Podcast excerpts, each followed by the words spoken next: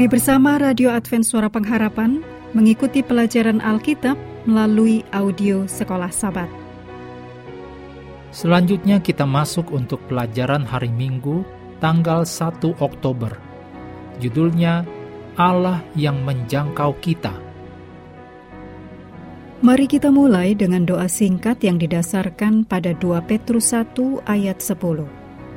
Karena itu saudara-saudaraku, berusahalah sungguh-sungguh supaya panggilan dan pilihanmu makin teguh. Amin.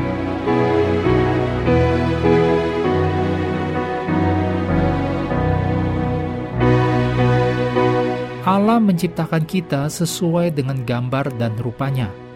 Allah memberikan kepada kita sebuah dunia yang sempurna dan adalah maksudnya supaya kita hidup dalam hubungan yang sempurna dengan Dia.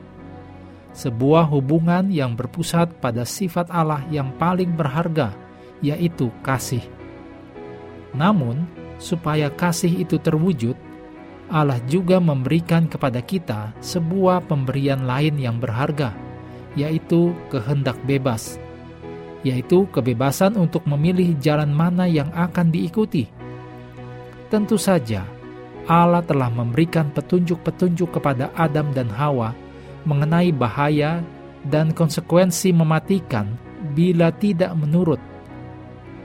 Ditulis dalam Kejadian 2 ayat 16 dan 17.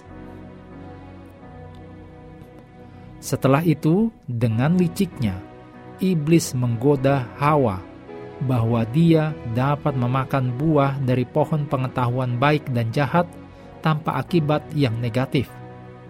Bahkan, iblis mengklaim bahwa mereka akan menjadi seperti Allah, tahu tentang yang baik dan yang jahat. Ditulis dalam Kejadian 3 ayat 5. Tetapi sangat disayangkan, Hawa memilih untuk makan buah tersebut dan memberikannya kepada Adam yang ternyata membuat pilihan yang sama makhluk ciptaan yang sempurna sekarang telah ternoda oleh dosa. Peristiwa tersebut telah mengubah rencana dan maksud awal dari Allah bagi planet bumi yang baru saja diciptakan. Misi keselamatan yang telah ditetapkan sebelum dunia dijadikan, yang ditulis dalam Efesus 1 ayat 4, sekarang harus dilaksanakan dalam kejadian 3 ayat 9 sampai 15, kata-kata pertama Allah kepada Adam setelah dia dan Hawa jatuh, "Di manakah engkau?" Kalimat ini sangatlah penting secara teologis bahkan sampai sekarang ini. Tentu saja, Allah sangat mengetahui di mana mereka berada. Diliputi oleh ketakutan, Adam dan Hawa mereka yang seharusnya dapat menyadari dan melihat sendiri apa yang sedang terjadi. Tetapi mereka juga perlu untuk berhadapan dengan Allah, sehingga mereka bisa mengerti betapa mengerikan konsekuensi dari dosa mereka. Iblis juga harus dikalahkan. Untuk itu, Allah kemudian mulai menyatakan misinya, yaitu rencana keselamatan yang ditulis dalam kejadian 3 ayat 14 dan 15 yang merupakan pengharapan untuk mendamaikan dunia dengan dirinya yang ditulis dalam 2 Korintus 5 ayat 19 Walaupun demikian kita perlu perhatikan fakta bahwa sebelum saling berhadapan dan janji pendamaian disampaikan Allah datang terlebih dahulu untuk mencari manusia yang sudah jatuh.